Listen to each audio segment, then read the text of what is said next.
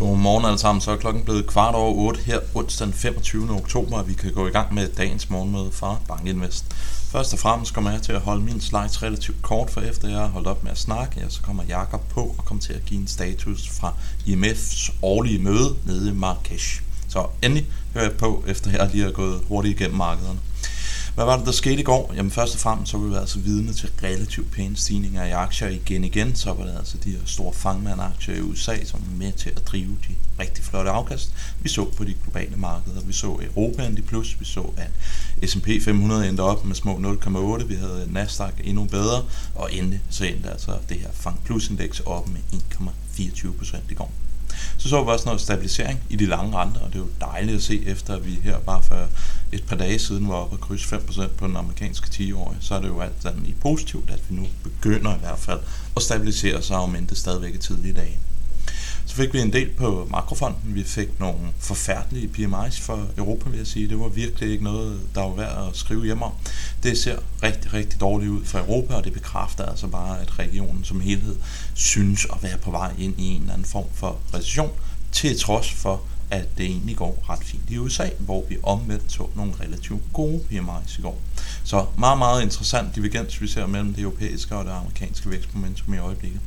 Og endelig, efter markedet var lukket i går, jamen, så kom Microsoft og Google med regnskab. Google, det er jo det, som vi nu kalder Alphabet. Og det var altså en noget divergerende oplevelse, vi var vidne til. Vi så, at Microsoft stiger med små 6% i eftermarkedet, samtidig med, at Google faldt små 6% i eftermarkedet.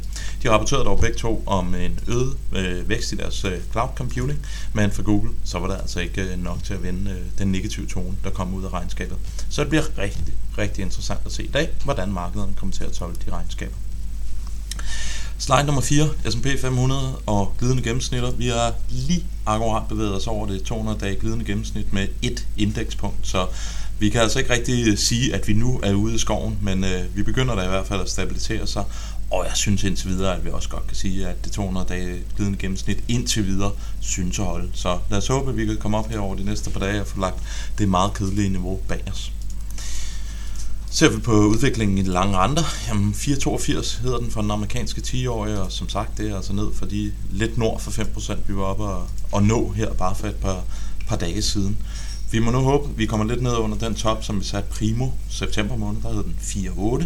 Det kunne altså være en eller anden form for signalværdi om, at nu var vi altså begyndt at se en stabilisering i de lange renter. Men der er altså naturligvis ikke nogen tvivl om, at vi er kommet rigtig, rigtig langt op, rigtig, rigtig hurtigt, og det er altså isoleret set med til at presse risikovilligheden, så en stabilisering, det er altså nok påkrævet for, at aktier de kan få en god afslutning her i fjerde kvartal. Så fik vi som sagt øh, PMI, så for USA, så ser det altså fint nok ud. Hvis vi lige ser bort fra april måned, som var lidt af en flug for den amerikanske fremstillingssektor, så ser du faktisk, at fremstillingssektoren ligger på de højeste niveauer siden ultimo 2022. Så det begynder altså at have flere og flere indikationer på, at vi for fremstillingssektoren ser en eller anden form for stabilisering slash faktisk recovery i USA. Servicesektoren, også værd at bemærke, at den øh, bremsede den nedgang, den har været i over efteråret og sensommeren, og faktisk det øh, en lille bit smule, og men niveauerne naturligvis ikke er super imponerende i øjeblikket. Men i hvert fald, så er det stabilisering, som vi ser i USA. Og så er det altså bare det omvendte billede, når vi tager blikket over imod Europa. Der er det rigtig, rigtig svagt. Vi har en fremstillingssektor PMI på 43. Det er altså ikke langt fra de niveauer, som vi havde, da det var aller værst under coronakrisen. Vi har en service PMI, der er faldet under 50, som nu hedder 47,8. Så der er altså et gevaldigt nedadgående makroøkonomisk momentum for den europæiske økonomi i øjeblikket. Og igen, det er altså også noget, som alt andet lige er med til at hæmme risikovilligheden. Sidste slide, jeg har med i dag, og nu må jeg lige se bort fra den her røde streg, der er blevet tegnet ind, det var faktorudviklingen for de forskellige faktorer på det amerikanske aktiemarked i går. Det vi så, det var relativt homogen performance, hvis man lige ser bort fra de defensive aktier, som havde lidt svært ved at følge med. Men ellers, så var det altså et marked, hvor at folk generelt bare lå og købte indekset, snarere end at så meget til præcis, hvad det var, de lå og købte. Og min sidste slide, hvad kommer der til at ske i dag? Først og fremmest så er der nok ingen tvivl om, at vi skal fordøje de her regnskaber, vi fik fra Microsoft og fra Google. Så får vi Meta, det gamle Facebook, ud efter luk, og det bliver også interessant at se, hvordan det går i særdeleshed efter alle de investeringer, som de har fået lavet i kunstig intelligens eller AI. Så har vi set noget kinesisk øh, stimulus i går. Der så vi, at de øgede budgetunderskud fra 3,0 til 3,8, og det har altså været med til at understøtte det kinesiske aktiemarked her fra morgenstunden desværre, vil jeg sige, jamen så lugter det altså lidt af same procedure as last year, skulle jeg til at sige. Det er kineserne, der kommer ud og stimulerer. Vi ser meget, meget store stigninger for åben, og så ligger der altså fedt over dagen, og det er altså noget mere muted øh, bevægelser, som vi ser nu her i skrivende stund, end hvad vi så lige da vi startede op.